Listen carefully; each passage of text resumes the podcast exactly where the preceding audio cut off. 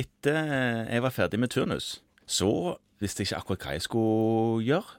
Men jeg landa på en stipendiatstilling. Ja, stemmer det. Ja. Du drev med sånn der forskning, du. Yes, det Ja. gjorde jeg, og det var fantastisk gøy. Og Jeg forska på hjertesvikt. Ja. Og den fatiguen, som er en sånn kardinalsymptom for hjertesviktpasientene. ja. Dette at de blir trøtte. De klarer ikke å gå opp trappene, og de klarer liksom ingenting, for de må ta pause halvveis i trappen opp Ja. til første etasje, til og med. Ikke sant. Eller andre, må det jo Ja. bli. Men uansett. Eh, dette holdt jeg på med på rotter og sånne ting. Og nå har jeg jo med hjertesiktpasienter å gjøre, og da tenker jeg alltid tilbake igjen på forskertiden og tenkte på kardinalsymptomet fatigue, eller trøttbarhet. Ja. Så jeg spør de alltid om det. Hvordan går det når du går opp trappene? Er du blitt tyngre i pusten når du gjør det? Og så er det dette med ødemer og sånne ting som òg er veldig vanlig, Ja. og så at de orker lite. Ja. Mm.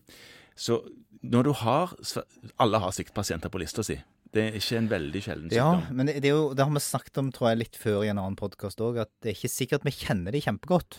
Eller vi kjenner de kanskje godt, men vi, vi er ikke så veldig bevisst på at det er en egenstående kronisk lidelse der. Det kan du si. Vi kunne sikkert vært mer oppmerksom på det, men de du da kjenner til, Ja. hva, hvor- hva, har du noe kontrollopplegg på de? Jeg prøver, Ja, eh, og, og Like systematisk som en kolser eller en diabetiker? ja, det bør det være. Det bør det være, ja. Ja, eh, og nå kommer nok det litt an på hvor alvorlig hjertesvikten er. Ja, Eh, Og det, akkurat det å gradere det, det, det er jo noe kardiologer pleier å drive på med. ja Nyha-klasser og sånne ting. Mhm. Nyha-klasser og sånne ting, og EF og en del sånne ting, altså ejeksjonsfraksjon.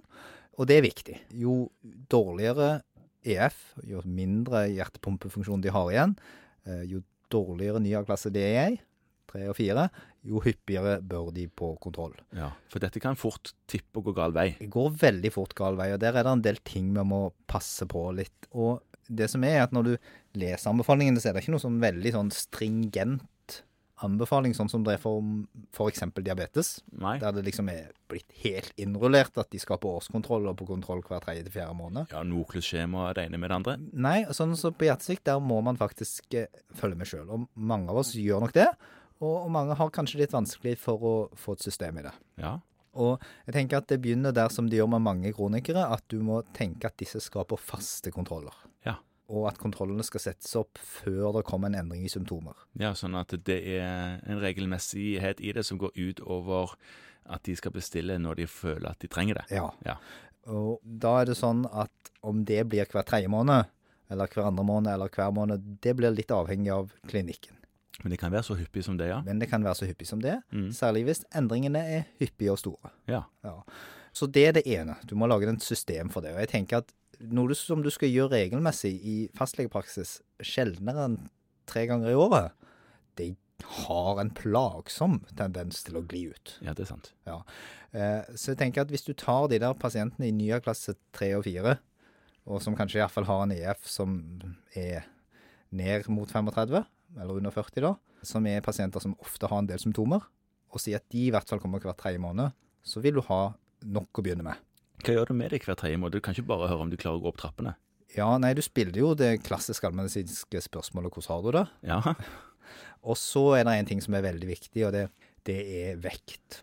vekt, ja. Ja, vekt er kjempegreit, fordi at nå er det jo slik at vekten går jo litt opp og ned for de fleste av oss. Det Ja. har nettopp vært ferie akkurat nå i talende stund, så eh, mange kjenner nok på det. At de har fått litt ødemer i ferien. Ja.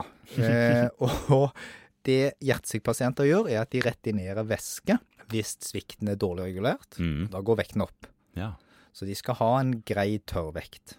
Og den skal være stabil, og den bør registreres. ja. Og anbefaler egentlig å ha en vekt på kontoret og veie de der. Mhm. Det kan man jo eventuelt også for rutinens del få en medhjelper til å gjøre. Det er jo ikke nødvendig med embetseksamen for å veie noen. Nei.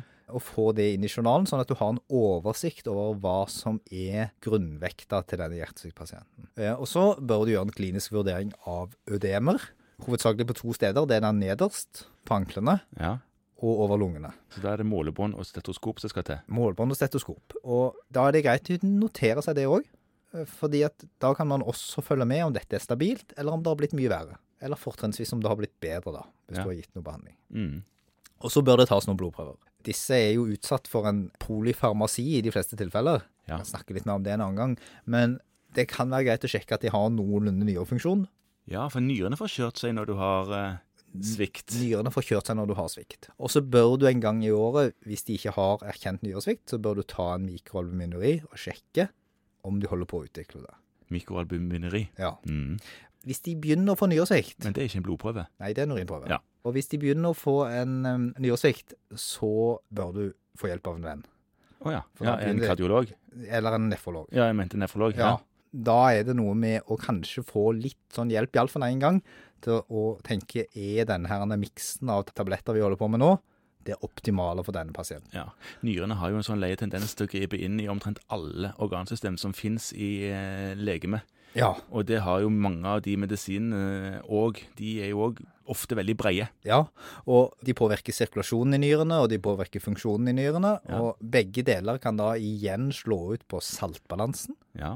Og det er jo en klassiker når vi gir disse diuretika, det er at vi drar ut for mye salt. Som får betydning for sviktkompensasjon ja. Og ødemene. og ødemene.